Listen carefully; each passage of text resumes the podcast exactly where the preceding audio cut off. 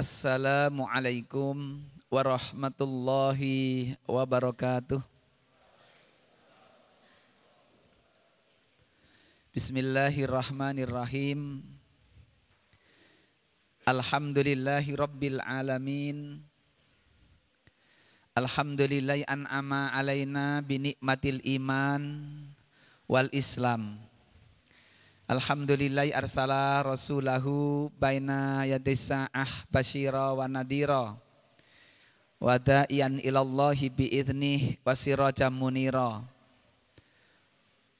Balagha risalah wa adal amanah wa nasohal ummah wa jahada fillahi haqqa jihadih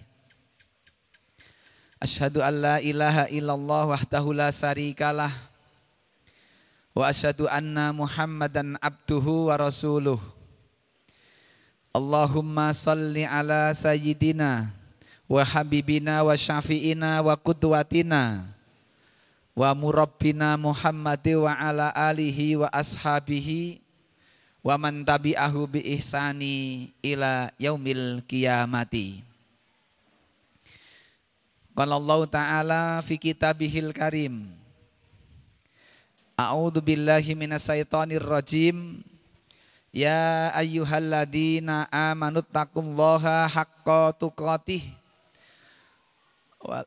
Wa la tamutunna illa wa antum muslimun. Wa qala Wa man ahsanu qawlam mimman da'a ilallahi wa amila sholiha wa qala innani minal muslimin. Wa qala Rasulullah sallallahu alaihi wasallam Khairun nas man tola umruhu wa hasuna amaluhu. Wa qala khairukum man ta'allamal Qur'an wa 'allamahu. Sadaqallahul adim wa sadaqa rasuluhul karim. Yang terhormat Ketua Yayasan Subul Salam beserta jajaran pimpinan yayasan yang saya hormati para bapak, para ibu, hadirin hadirat jamaah kajian rutin Jumat sore dan mudah-mudahan yang hadir ini senantiasa mendapatkan rahmat Allah Subhanahu wa taala mendapatkan kemuliaan di sisi Allah Subhanahu wa taala. Dan mudah-mudahan yang hadir ini senantiasa dijaga kesehatannya oleh Allah Subhanahu wa taala. Mari kita awali majelis tazkirah ini majelis Raudhatun min Riyadil Jannah. Taman dari taman surga ini dengan menghadirkan hati untuk mensyukuri nikmat-nikmat Allah. Di antaranya hari ini, sore ini Allah memilih kita. Kita ini hamba yang terpilih. Terpilih bisa hadir dalam majlis Raudotun min Riyadil Jannah. Yaitu taman dari taman surga. Saya sampaikan itu hamba terpilih karena memang tidak semua dipilih untuk bisa sore Jumat ini bisa mengkaji ayat dan hadis Rasulnya. Terlebih sejak mulai para khotib menyampaikan khutbah sampai nanti matahari terbenam, ini adalah waktu yang mustajab. Kita awali dengan kebaikan-kebaikan sebelum kita meminta menyenyuun kepada Allah Subhanahu wa taala. Di mana Baginda Rasul menerangkan bahwa doa mustajab ada waktu, ada tempat dan ada keadaan. Di antaranya waktu yang mustajab adalah hari Jumat. Hari Jumat itu diterangkan lagi adalah ba'da setelah para khotib menyampaikan khutbah, mulai khotib menyampaikan khutbah. Lebih dekat lagi-lagi adalah ketika mulai ba'da asar. Maka ini kita gunakan sebaik-baiknya untuk mencari karunia Allah Subhanahu wa taala. Para bapak, para ibu, para santri, kita akan kaji sore hari ini tentang dakwah. Hidup bahagia, hidup senang di jalan dakwah. Kami sampaikan itu karena ada kenikmatan yang Allah Subhanahu wa taala berfirman wa amma binikmati rabbika fahadith. Surat Surat apa? Surat Al-Qur'an. wa amma binikmati rabbika fahadith. Adapun terhadap nikmat Robmu maka sebut-sebutlah. Maka fahadith, ceritakanlah gitu.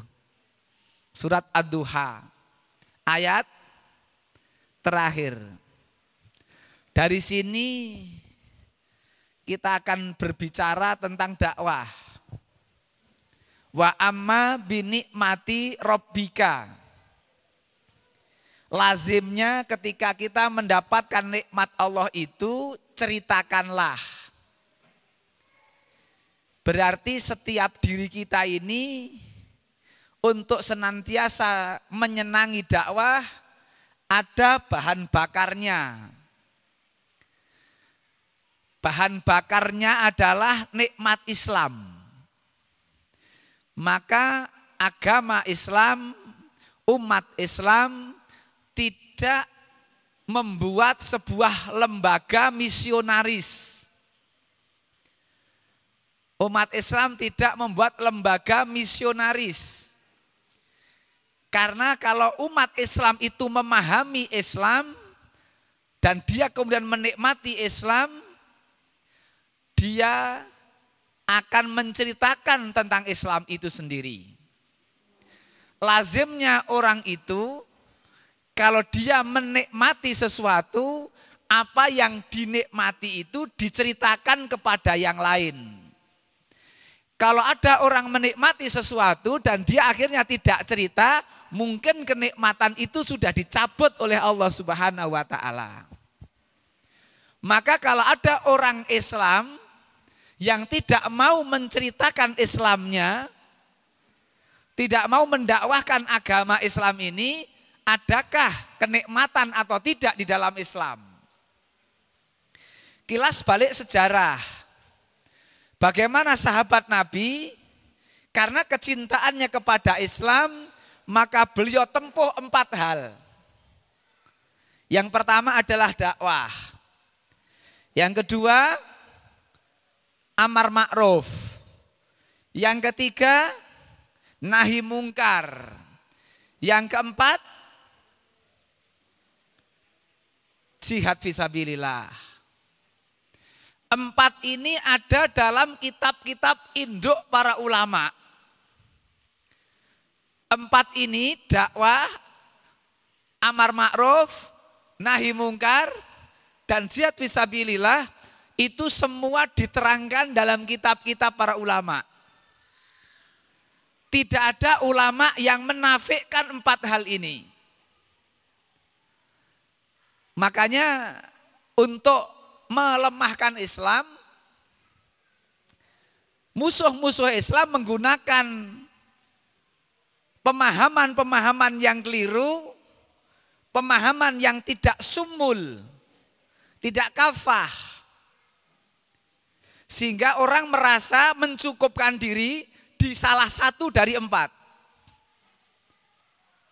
Yang dakwah sudah cukup dengan dakwahnya, yang nahi mungkar juga demikian, dah merasa puas dengan yang nahi mungkar. Sehingga kadang-kadang kalau sudah seperti ini mudah dibenturkan antara yang dakwah dengan yang nahi mungkar. Dan musuh-musuh Islam tahu letak kelemahan orang-orang Islam. Kalau Islamnya enggak ada kelemahan.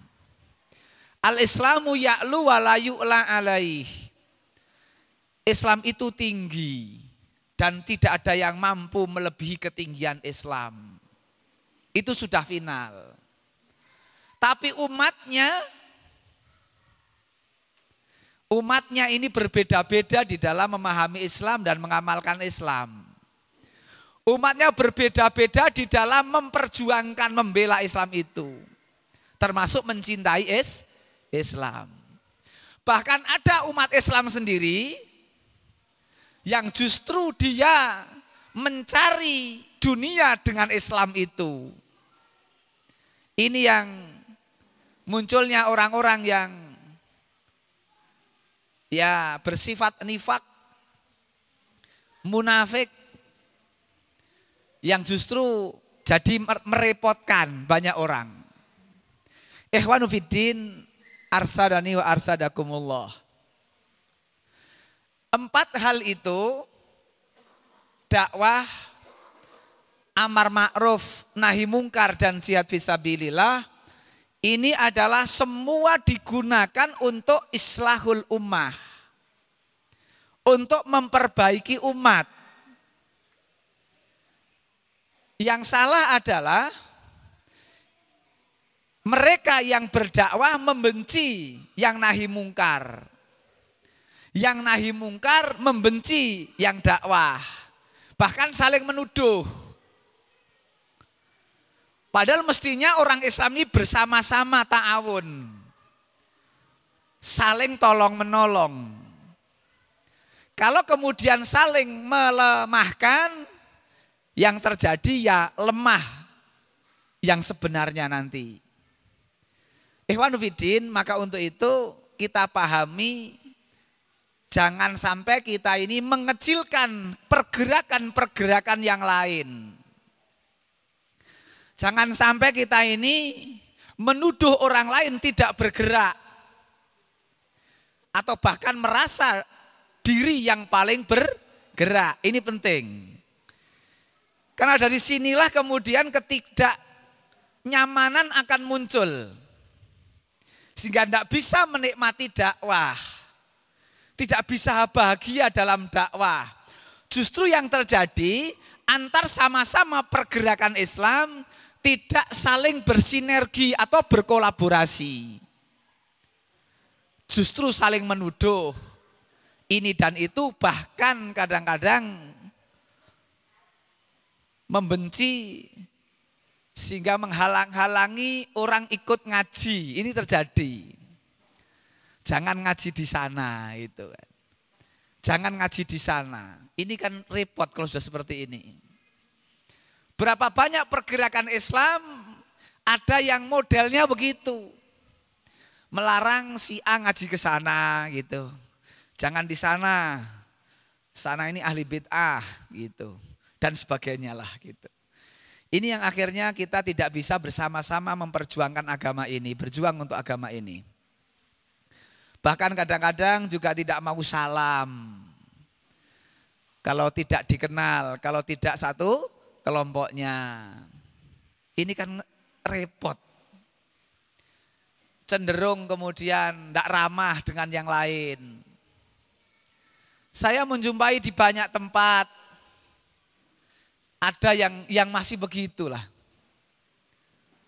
Menebar senyum saja berat. Padahal senyum itu sehat. Bahkan ada teori pengobatan suruh bergembira terus kalau yang sakit. Maka orang yang banyak senyum, banyak bergembira, imunitas tinggi, jarang sakit.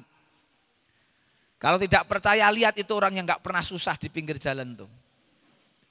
Nggak pernah mumet, nggak pernah masuk angin, nggak pernah kuian. Kan gitu ya. Senang terus dia, nggak pernah berpikir berat. Begitu. Lah ini kadang-kadang senyum saja eman kepada saudara itu loh.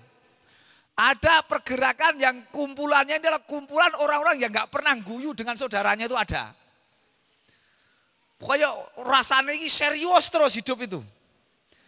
Pokoknya begitu terus. Ini kan gimana nanti? Ya kalau mau kau sendiri nggak apa-apa. Tapi yang lain ya jangan kemudian dituduh ini itulah. Ini penting kan gitu. Eh mas kalian, ini tawasobil hak wa tawa sobi sober. Empat itu semua sinergi. Antara dakwah, amar ma'ruf, nahi mungkar dan jihad visabilillah. Yang dakwah menuduh yang jihad begini, yang jihad menuduh yang gini dakwah. Tidak pernah selesai, akhirnya kita ini ribut di dalam. Tidak pernah bisa go keluar dari dalam. Ini iman. Kapan akan bahagia kalau demikian?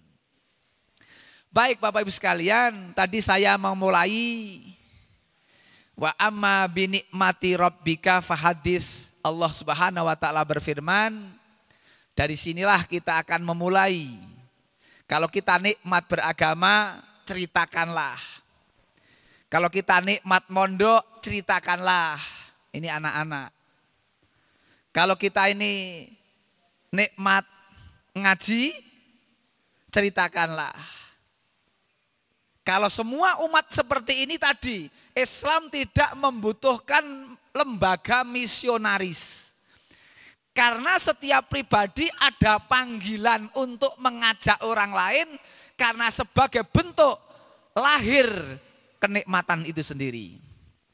Di sana ada ngaji, di sana ada kajian. Kalau setiap orang pengen mengajak yang lain, maka tidak ada yang sendirian ke sini, hanya tidak ya satu motor kok hanya satu orang tidak membawa teman, eman. Nanti tak jemput nanti tak ampiri, tak terkekondur dan sebagainya. Kalau setiap jiwa begitu luar biasa perkembangan agama kita. Ikhwanu Widin, sayangnya tidak semua punya giroh untuk mengajak. Ya, mengajak yang lain. Kadang sudah cukup lah. Ataupun sudah mengajak tapi kecewa karena diajak tidak mau. Sekali tidak mau jangan putus asa. Ya dua kali. Dua kali tidak mau, tiga kali. Dan seterusnya. Terus dan terus mengajak orang lain ikut peduli dalam dakwah. Ivanuddin, bahan bakar kita ini adalah nikmat Islam. Terus bagaimana cara mendapatkan nikmat itu? Ada delapan. Ada delapan cara untuk mendapatkan nikmat itu. Yang pertama adalah tarbiyah. Yaitu seperangkat program yang lengkap untuk digunakan membangun prinsip-prinsip perjuangan. Gitu. Jadi ini tarbiyah ini adalah seperangkat program yang lengkap. Ada tata cara, ada manajemen. Agar apa? Prinsip-prinsip Islam ini dipahami oleh umat. Tanpa dipahamkan oleh umat, umat tidak paham. Apalagi kita ini dari mulai PAUD, TK, SD, SLTP, SLTA, perguruan tinggi. Kira-kira rata-rata yang dikaji dari PAUD sampai perguruan tinggi ini perkara dunia atau perkara akhirat? Dunia. Maka sungguh sulit ketika orang itu mau diajak kepada akhirat. Karena pakulinannya adalah pakulinan dunia. Ilustrasinya begini. Seorang dokter ketika mengobati, memeriksa pasien, pakulinannya sebagaimana yang kita pahami. Kalau dia itu mendapatkan pasien, maka datang ditanya dulu keluhannya apa. Setelah itu kemudian tekanan darah dicek. Ketika itu perkembangannya sampai kemudian masuk lab dan sebagainya. Itu dokter, pakulinannya begitu, kebiasaannya begitu. Coba dukun. Dukun ini kalau didatangi pasien, pertama kali yang ditanya apakah tekanan darah, apakah keluhan sakit? Tidak. Teko-teko teko-teko takoi lahirmu dino opo Lahirnya hari apa? Lebar lahir hari apa? Rumahmu menghadap ke mana? Enggak ada hubungannya dengan sakit lah jane. Ning pancen dia kulino itu. Tekan nasi masalah menghadap rumah, lahir hari apa. Ini itulah, biar lek bangun rumah hari apa. Dan sebagainya. Ini karena memang kebiasaannya itu. Ketika ada pasien datang ke dukun, tidak mungkin kemudian pakai kebiasaannya dokter. Dokter ketika mendapati pasien, tidak mungkin kok kebiasaan seorang dukun. Saya mau mengantarkan cara berpikir manusia maksud saya begini. Allah berfirman, ini tarbiyah. Wabtaghi fi ma atakallahu darul akhirata wala tangsa nasibaka minad dunya wa ahsin kama ahsanallahu ilaika wala tabhil fasada fil ard innallaha la yuhibbul mufsidin. Surat apa? Oh, surat apa? Surat Al-Qur'an meneh. Surat Al-Qasas ayat 77. Coba dicek. Kalau tidak sama saya tak pulang. Berarti Quran saya keranggan dengan Quran manding beda ini. gitu ya. Surat Al-Qasas 77. Carilah kata Allah, wabtaghi. Wabtaghi fi ma atakallahu daral akhirah Carilah anugerah Allah kehidupan akhirat. Carilah apa-apa yang datang dari Allah tentang kehidupan akhirat. Wabtagi fima atakallahu darul akhirah. Tetapi Allah ngendika wala tansa nasibaka minat dunya. Tapi kamu jangan lupa nasibmu di dunia. Coba Bapak Ibu kalau pilih, pilih yang mana? Kejar akhirat, jangan lupa dunia. Atau kejar dunia, jangan lupa akhirat. Pilih pundi? Apa apik kabeh? Kejar akhirat, jangan lupa dunia. Atau kejar dunia.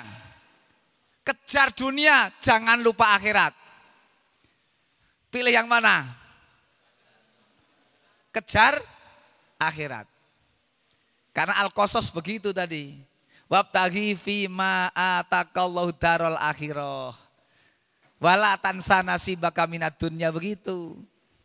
Tetapi orang akan banyak berkata, kejar dunia ning ojo lali. Ini yang banyak terjadi. Yang banyak karena nggak ngaji, nggak pahami Quran, kejar dunia maksimal kerjanya neng yo ojo lali akhirat. Itu yang banyak. Kata ojo lali jangan lupa akhirat jangan lupa. Wong jangan lupa kok. Kadang-kadang lupa. Hmm, jangan lupa itu kan kadang-kadang lupa. Saking semangatnya dunia ya gitu Saking semangatnya buka toko, buka warung, macul, dagang, sampai lali asaran. Itu jangan lupa akhirat. Akhirnya lupa asaran. Berapa banyak yang begitu? Tapi kalau kejar akhirat, ngaji sing tenanan, ngibadah sing tenanan, kadang lali buka toko, lali buka warung, lali macul, rapopo nek ming lali macul. Kan gitu. Tapi kalau lali sholat bahaya. Banyak yang tidak paham itu. Taunya kalau-kalau lali nggak apa-apa lah. Itu ya. Kalau-kalau ya ras sholat mau biasa nih sholat gitu. Damai saja dijawab itu. Wong iseh iseh ukeh le salat daripada lera salat. Padahal di dalam keterangan kalau tidak salah Al-Alamah Ibnu Qayyim Al-Jauziyah, kalau tidak Syekhul Islam Ibnu Taimiyah saya lupa, dari di antara dua ulama besar ini, beliau menerangkan dosanya orang yang meninggalkan wajib itu lebih besar dosanya daripada dosa-dosa besar. Jadi orang yang meninggalkan wajib itu dosa besar. Dan dosanya lebih besar daripada dosa besar. Gitu. Berapa banyak orang karena kesibukan panen. Sampai sholat asarnya kehabisan waktu. Berapa mbak-mbak yang ada di beberapa apa itu namanya dagang-dagang di beberapa tempat itu karena saking ramenya jadi pelayan toko ndak duhuran ndak asaran. Karena kalau rame dia harus ngawasi seluruh aset yang ada. Kalau nanti sampai hilang maka satu grup grup pakaian, grup apa itu misalnya satu grup ada kehilangan dia satu bulan itu kalau dihitung ada kehilangan maka dia harus mengganti do urunan ganti barang sing hilang. Lah karena khawatir nanti kehilangan akhirnya karena padatnya itu ndak iso gentenan sholat. Akhirnya nggak melaksanakan sholat. Padahal nggak melaksanakan sholat sekali maghrib atau asar misalnya, itu dosanya lebih besar daripada dosa-dosa besar. Dosa besar itu apa? Membunuh, berzina, Berzina itu dosa besar. Tetapi orang yang tidak sholat itu lebih besar daripada dosa zina. Dan orang tidak paham itu. Jadi orang di masyarakat kalau kalau urusan berzina masih lumayan rame lah. Masih malu gitu. Enggak ya, dia masih malu lah. Tetapi kalau tidak sholat itu enggak patio malu. Di masyarakat kalau enggak sholat lima waktu rapatio gas. Tetapi kalau masyarakatnya mungkin ada acara kebiasaan kampung, tradisi kampung kok tidak mangkat, tidak berangkat, itu baru merasa malu. Makanya kita sering dapati di masyarakat kita, sholat isya begitu sedikit yang hadir, tapi kalau acara Ba'da Isya itu acara apa niku jenenge? Genduren ya gitu. Walah ya Allah yang wis do meninggalkan rumah sejak adzan dimulai. Jadi adzan itu panggilan untuk genduren. Ini kadang prihatin juga kita ini. Kasihan nggak paham itu. Jadi ke masjidnya ndak. Kita keluar dari masjid, sudah pada di jalan-jalan untuk bersama-sama hadir tepat waktu dalam acara untu. Acara intinya kan sholat sana ya. acara intinya sholat, acara untunya itu yang lebih utama. Ini juga tanpa tarbiyah nggak akan ada perubahan. Maka ini anak-anak muda, para santri-santri, ini kelak penerus-penerus para sesepuh kita. Memang perjuangan panjang, perjuangan panjang. Saya sudah sampaikan beberapa saat yang lalu, perjuangan ini memang lebih panjang. Baginda Nabi berjuang 13 tahun di Mekah, kemudian dilanjutkan di Madinah, sudah agak rodok nyantai dalam arti kemenangan sudah didapat beberapa kali, dan mulai perjuangan ini mendapatkan hasil, memetik buah perjuangan, itu setelah Fathul Makkah. Delapan tahun setelah Rasulullah di Madinah, jadi Rasul itu baru bisa mulai santai, ya gitu. Artinya mulai nyaman, kemenangan di mana-mana, pendukung semakin banyak. Tahun 8 Hijriah itu Rasulullah sudah rodok mulai silir gitu ya. Silir nopo ISIS. Nah ISIS nggak boleh ya. silir gitu ya. Jadi mulai nyaman gitu. Tetapi ternyata hanya dua tahun saja beliau menikmati perjuangan. Allah sudah nimbali. Dan kemudian kepemimpinan diganti Khalifah Abu Bakar As-Siddiq radhiyallahu anhu dihadapkan dengan persoalan lagi banyaknya orang-orang yang enggan membayar zakat. Memang perjuangan ini panjang. Yayasan Subul Salam Pondok Pesantren Tafid ini tidak mudah. Perjuangan berat.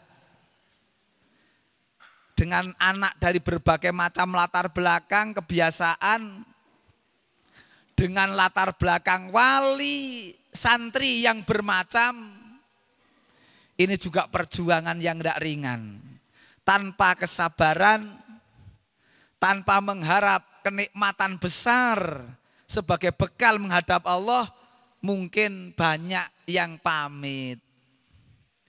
Banyak yang mengeluarkan ilmu pamungkas namanya ilmu Joyo Indo. Napa ilmu Joyo Indo niku? Sing enom muni sampiang wae sing wis akeh pengalamane karo sing sepuh to. Sing sepuh, ah sing nom wae tak pengkaderan, padha-padha menghindar jane.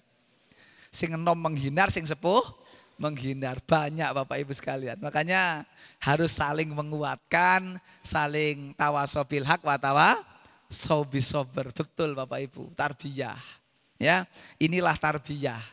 Pendidikan ini terus program yang lengkap yang dibangun di atas kesepakatan-kesepakatan, prinsip-prinsip untuk ngegulkan sebuah perjuangan. Begitu. Ini ada aturan, ada tata cara, ndak boleh ngawur sembarangan. Nek seneng ngaji datang. Nek pondok nek ngaji ini nggak apa-apa. Yang ngaji biasa ini. Kalau yang mondok kan begitu. Mondok ya ada aturan. Di pondok harus begini-begini ini tar, ditarbiyah. Digulawentah. Diasuh. Diatur bangun pagi jam berapa. Mulai tidur jam berapa. Diatur semua. Kalau tidak diatur nggak jadi. Pokoknya konsak karpe, nggak bisa. Jadi kita harus mengatur semuanya. Bahkan kebatilan itu akan menang karena di manajemen. Dan kebenaran itu bisa kalah karena di tidak diatur. Ya, le, le, le apa namanya me, mengatur sembarang lah nggak begitu. Makanya penting untuk itu kita akan bisa menikmati agama. Rasul mengatur para sahabat, Rasul memanajemen para sahabat hingga seluruh persoalan. Tidak hanya dalam dalam dakwah tetapi dalam urusan-urusan kepribadian pun diatur. Kesehatan bagaimana kesehatan juga diatur luar biasa Nabi. Sampai Nabi mengatakan untuk sehat eh bukan Nabi ini Al-Qur'an.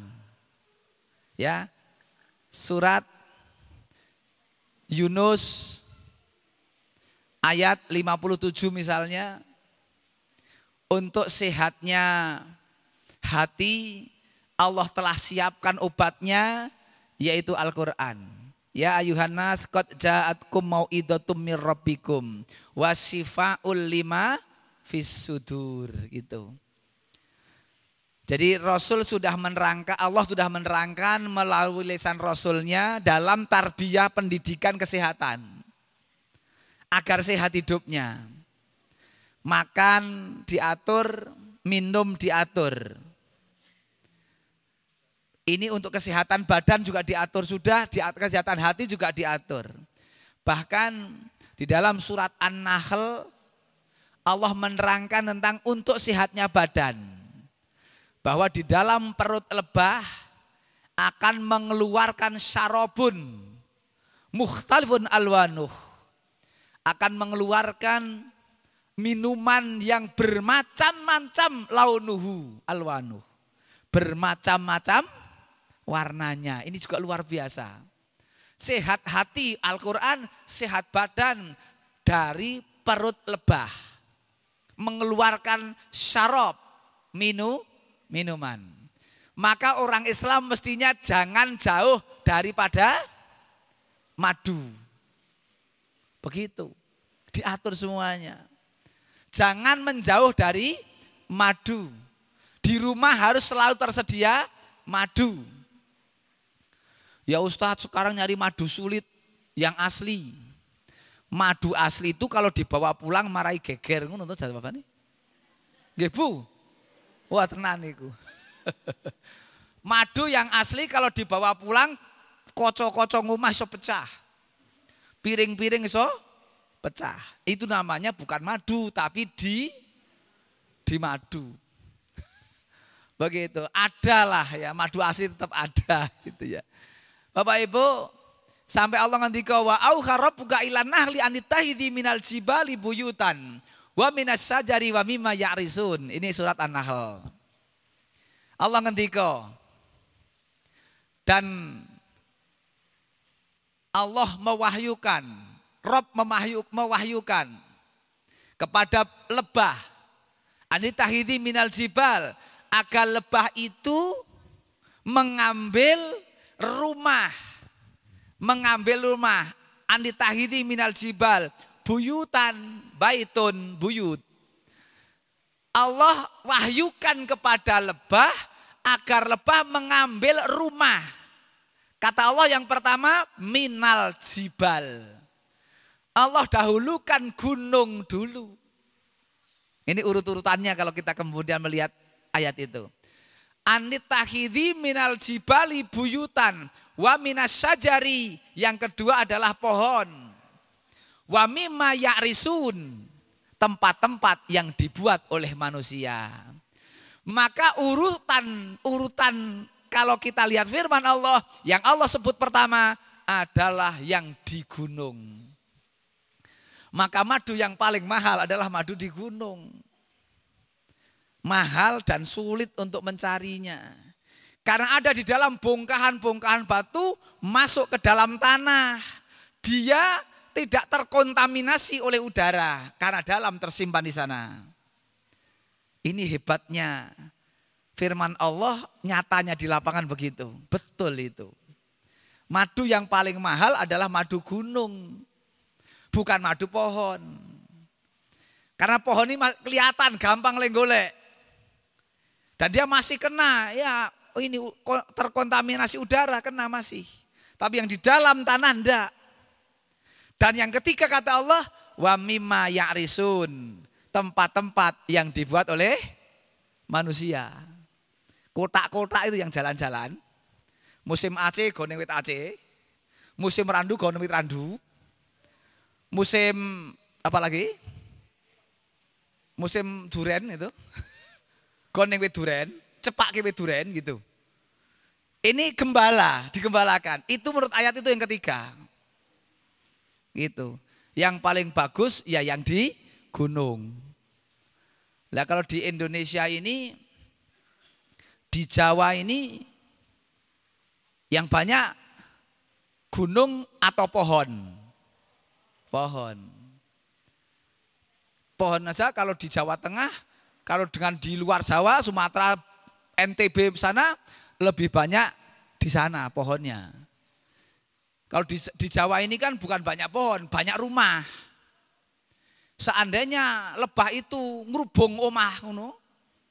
Seandainya lebah itu ngerubung gendreng gitu, mungkin mungkin banyak di Jawa ini yang bagus pak. Makanya madu luar Jawa lebih bagus karena apa? Pohonnya banyak di luar Jawa gitu. Ini juga logika berpikir begitu. Ini satu sisi dari sisi kesehatan.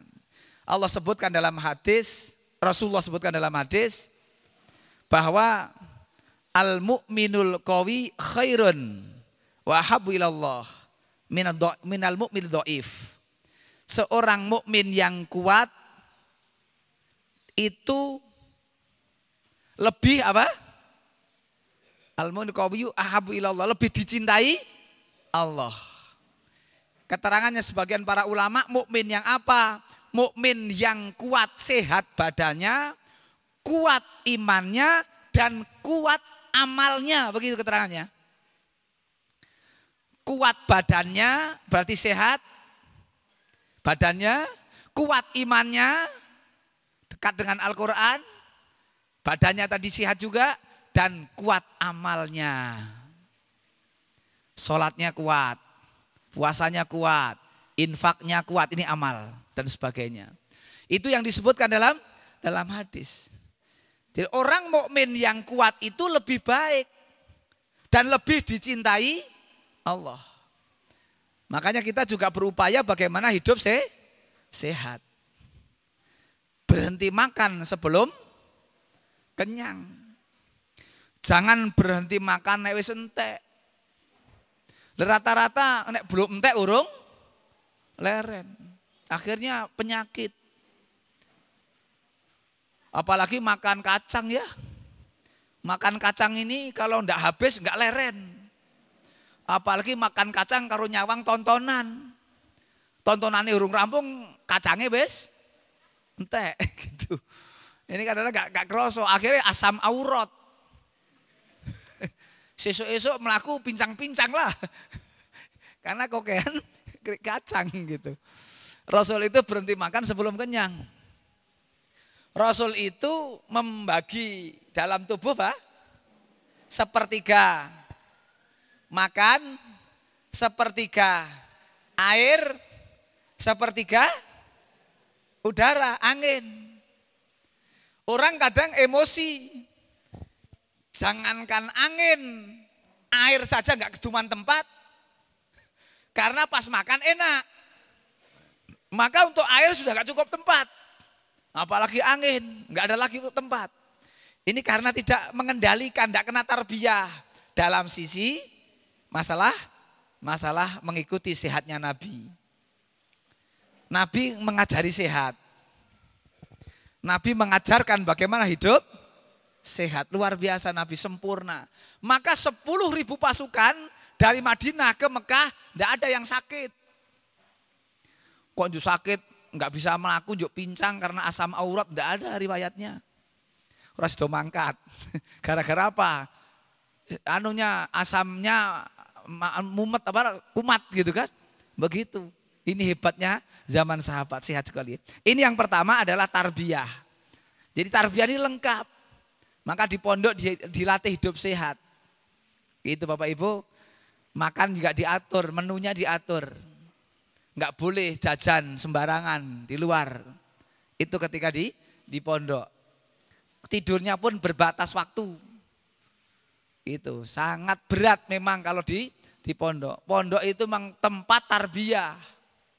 Melatih. Pondok ini pondok yang memang untuk menyiapkan kader-kader imam. Waj'alna lil mutakina imama. Berat memang pondok itu. Pondok sing enggak berarti ya pondok bakso bareng niku. Pondok mie ayam bareng itu ya hehehe wae. Enak, paling pedes ya pedes kapok sesuk meneh gitu. Itu yang terjadi. Nek pondok mie berat betul. Dan yang berat itu anak. Kalau bapak ibunya seneng itu anaknya di pondok. Kalau anaknya jane jangan seneng gitu jane. Makanya anak didoakan. Baik, yang kedua ini cara mendapatkan kenikmatan beragama. Tadi tarbiyah, satu. Cara mendapatkan kenikmatan is Islam. Itu. Dengan nanti akan cerita nanti kalau sudah nikmat. Yang kedua adalah memahami dakwah adalah pekerjaan para utusan Allah. Memahami. Jadi dakwah adalah pekerjaannya para nabi. Kalau itu bisa dipahami nikmat nanti. Kalau tidak bisa memahami bahwa dakwah ini adalah pekerjaannya Rasul, Nabi utusan Allah, mungkin tidak awet, tidak awet berdakwah. Tidak awet mengelola pendidikan. Tidak awet mengelola lembaga dakwah, yayasan dakwah. Maka orang-orang yang menggantikan pekerjaannya Rasul, pekerjaannya para nabi, mestinya nikmat.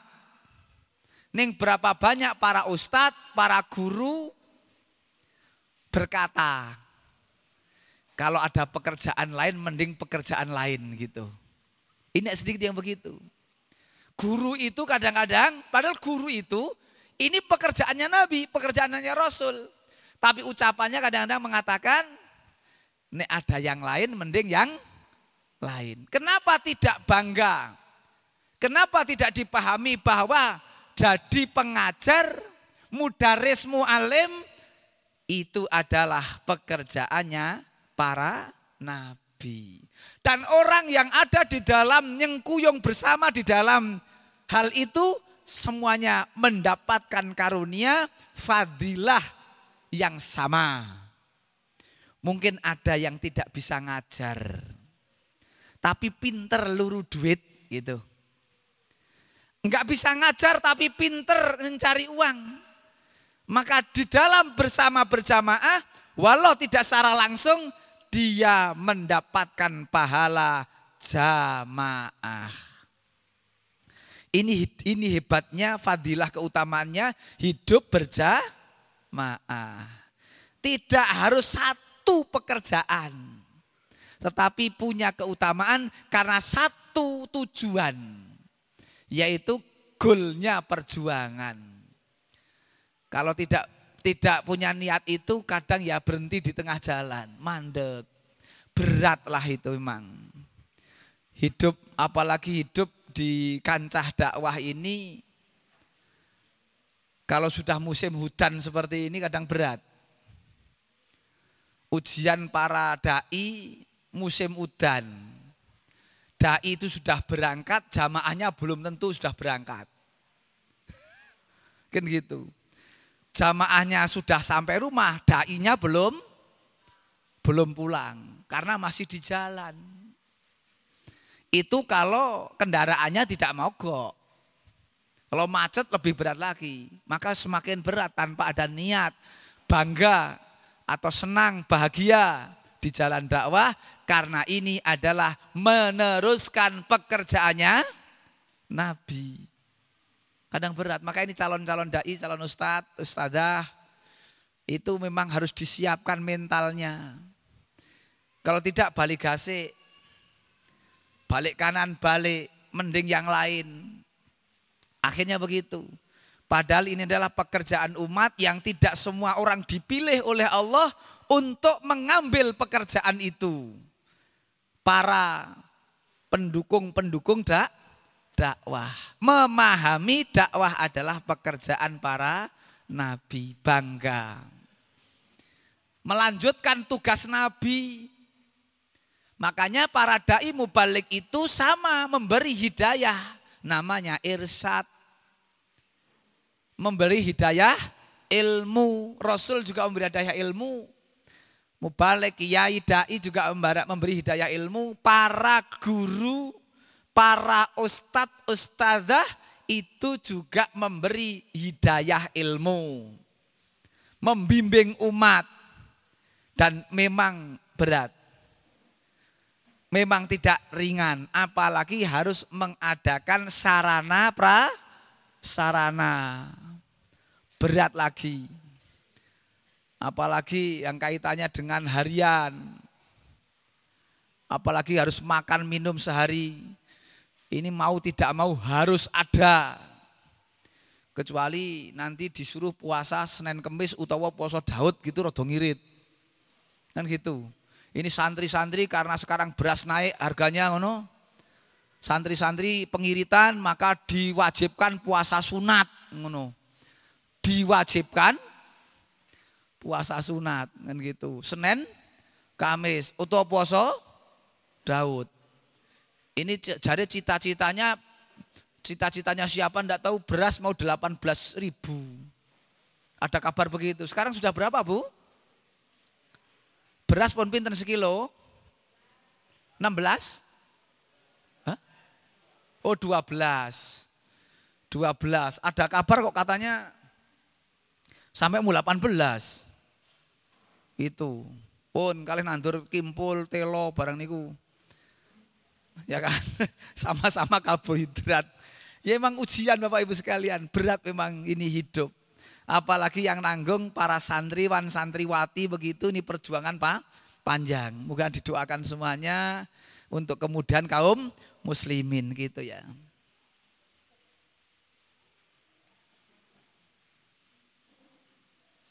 Maka jika kita berdakwah berarti kita mendapatkan keutamaan para nabi. Nah, ini kesimpulannya. Jika kita berdakwah, berdakwah ini kurang kudu pidato ngeten iki. Ud'u ila sabili rabbik bil hikmah wal mau'idatil wa, mau'idatil hasanah. Wajadilhum billati ya ahsan itu. Berarti tugas dakwah itu kewajiban perorangan dengan kemampuan masing-masing berbeda beda. Jangan dipahami bahwa dakwah ini tugasnya hanya para ustadz, ustadzah, kiai, dai mubalik. Bukan setiap diri. Hanya kemampuannya yang berbeda-beda. Mengajak kepada yang baik, meninggalkan yang yang buruk ya, amar ma'ruf nahi mungkar. Itu semua mendapatkan tugas pribadi-pribadi walaupun kemampuannya berbeda beda ngoten. Saya sampaikan keutamaan para nabi. Satu, keutamaan para nabi ditinggikan derajatnya oleh Allah Subhanahu wa taala. Ditinggikan derajatnya oleh Allah Subhanahu wa taala, siapa pun dia. Ini derajat para nabi. Yang kedua, mendapatkan pertolongan Allah Subhanahu wa taala sebagaimana para nabi tetap walaupun ujian berat tetap mendapatkan pertolongan Allah. Nabi-nabi Allah mendapatkan pertolongan Allah. Contohnya Nabi Ibrahim. Walaupun pindah antar negara. Dari Babilonia pindah ke Mesir, pindah ke Sam. Dalam rangka dakwah. Di Babilonia berdakwah cukup waktu dan hanya mendapatkan satu pendukung. Itulah Ibunda Sarah. Hanya dapat satu saja yang mendukung dakwahnya Nabi Ibrahim. Akhirnya beliau pindah ke Mesir. Di Mesir mendapatkan ujian lagi berhadapan dengan raja yang dolim. Itulah Raja Mesir nah, saat itu. Setelah meninggalkan Babylon, rajanya yang membakarnya itu gitu. Dibakar dan tidak hangus, bahkan selamat. Allah menjaga Kul ya narukuni bardan itu. Allah berfirman, wahai api dinginlah. Dan Allah masih meneruskan wasalaman, dingin dan selamat. Seandainya mungkin hanya dingin saja jadi cukup berat bagi Ibrahim. Dingin saja, Allah tidak berhenti sampai dingin. Bardan saja tidak, wasalaman. Dingin dan selamat. Kalau mungkin dingin saja jadi siksaan malahan. Walaupun lainnya kena panas itu panas sekali, tapi Ibrahim dingin malah sebaliknya. Tapi Allah tambahkan wasalaman. Dingin dan menyelamatkan. Ditolong oleh Allah. Yakinlah para peduli dakwah akan ditolong oleh Allah. Nabi Musa pun ditolong oleh Allah. Salah satu contoh ketika ada berita bahwa kerajaan sedang menyusun strategi untuk menangkap Musa. Ada salah satu orang baik yang ada di dalam tubuh kerajaan yang mendengar itu. Kemudian mengetahui Musa alaihissalam. Musa kemudian diberitahu, wahai Musa, engkau sedang dalam target Nek suruh ini jenenge TO ngono. Mau gitu. Dikabarkan oleh orang penting di negeri Mesir. Kau siap-siaplah ini pemerintah ini pemerintahan Mesir sedang menyusun strategi untuk menangkapmu. Maka bersiap-siaplah engkau meninggalkan Mesir. Musa mendengarkan itu, berkemas-kemas, bersiap diri untuk kemudian meninggalkan Mesir. Sampailah ke negeri yang namanya Madyan. Itu Musa, dapat pertolongan. Maka penting kita ini punya punya orang gitu ya. Kita ini punya orang yang ada di tubuh lawan. Ini kalau kita mengambil kepada sirahnya Nabi Musa alaihissalam. Penting ada orang yang baik yang ada di tubuh lawan. Sehingga informasi-informasi yang tidak yang bisa jadi akan menyelakakan ikhtiar kita itu sudah sejak awal bisa disikapi. Itu penting. Jadi kita ini harus menyusun strategi itu. Jangan kemudian tidak tidak ada strategi untuk itu. Musa punya orang dalam. Orang yang ada di dalam pemerintahan Mesir yang bisa menjadi informan. Untuk menyampaikan bagaimana perkembangan-perkembangan keadaan. Maka Musa kemudian bisa menyelamatkan diri sampai di Madian dan bertemu dengan orang yang soleh di sana. Yang sebagian mengatakan ini adalah Nabi Su'eb. Ini itu dan punya anak, kemudian anaknya juga jadi istrinya. Oh ini cerita yang indah sekali sebetulnya kalau di dikaji itu. Sampai kemudian Nabi Musa mendapatkan ketenangan di sana. Nabi pun ternyata juga berat menghadapi persoalan umat kan gitu. Kita pun harus berupaya untuk menghadapi persoalan-persoalan yang ke sana, gitu, yang ke arah sana. Jika kalian, jika kita ini ya pengen ditolong Allah dengan cara ajaib, maka tolonglah agama Allah. Ini juga perlu kita pahami. Jika kita pengen ditolong Allah, maka tolonglah agama Allah. Kesimpulannya begitu. Sudah satu jam. Ini maghribnya memang agak mulur, maka saya berani sampai jam 6. Sehingga tidak tidak pas kalau tadi berangkat saya aja udah setengah lima tadi kurang lima menit gitu. Begitu Alhamdulillah sampai di sini tidak begitu terlambat.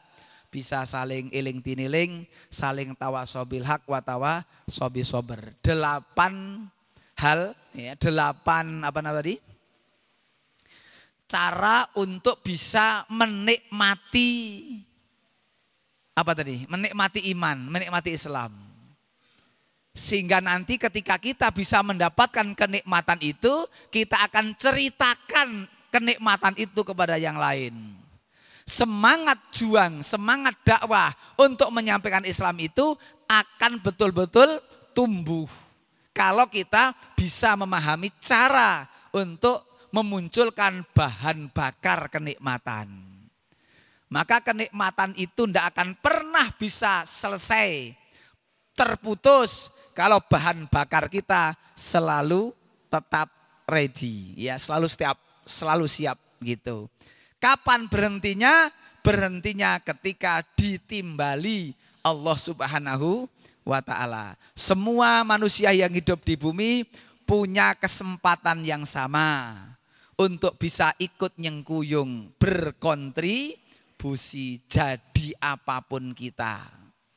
Semua Allah lihat bukan pangkatnya, bukan kedudukannya, bukan jabatannya. Yang penting bersama-sama ayyukum ahsanu amala. Siapa yang paling bisa mempersembahkan amal terbaik. Petani bisa mempersembahkan amal terbaik untuk dakwah. Pedagang bisa mempersembahkan amal terbaik untuk dakwah para ke pengambil kebijakan tanda tangannya masih punya nilai, masih berharga, bisa untuk menjadi wasilah membela agama. Begitulah ketika paham menikmati Islam. Sampai di sini ada delapan dan baru dua. Suatu saat kain waktu mudah-mudahan bisa meneruskan kajian itu, kajian ini untuk melanjutkan kajian tadi lain waktu mudah-mudahan gitu. Mengatakan aku lu qauli hada Astaghfirullahaladzim liwalakum innahu wal Kita panjatkan doa aja. bersama-sama. A'udzubillahi minasyaitonirrajim. Bismillahirrahmanirrahim. Alhamdulillahirabbil alamin. Hamdan syakirin, hamdan naimin. Hamdan ghafirin, hamdan yuafi ni'amah wa yukafi umazidah. Ya Rabbana lakal hamdu kama yambaghi li jalali wajhikal karim wa li adim sultanik. Allahumma salli ala Muhammad wa sallim wa radiyallahu ta'ala an kulli sahabati Rasulillah ajmain.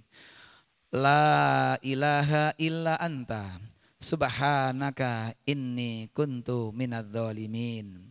La ilaha illa anta subhanaka inni kuntu minadz zalimin. Rabbana dzalamna anfusana wa illam taghfir lana wa tarhamna minal khasirin.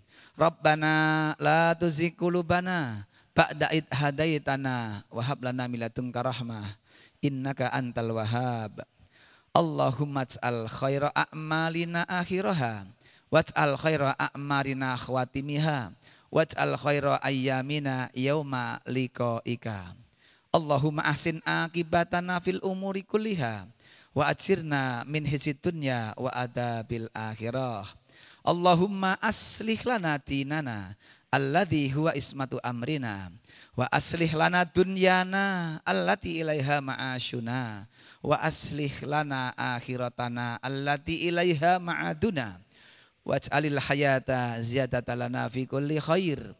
Waj'alil mauta rahata lana min kulli syarr Rabbana hablana minas solihin. Rabbana hablana min azwajina wa duriyatina qurrata ayuni waj'alna lil muttaqina imama. Allahumma inna nas'aluka ridhaka wal jannah wa na'udzu bika min sakhatika wan nar. Rabbana atina fid dunya hasanah wa fil akhirati hasanah wa qina adzabannar.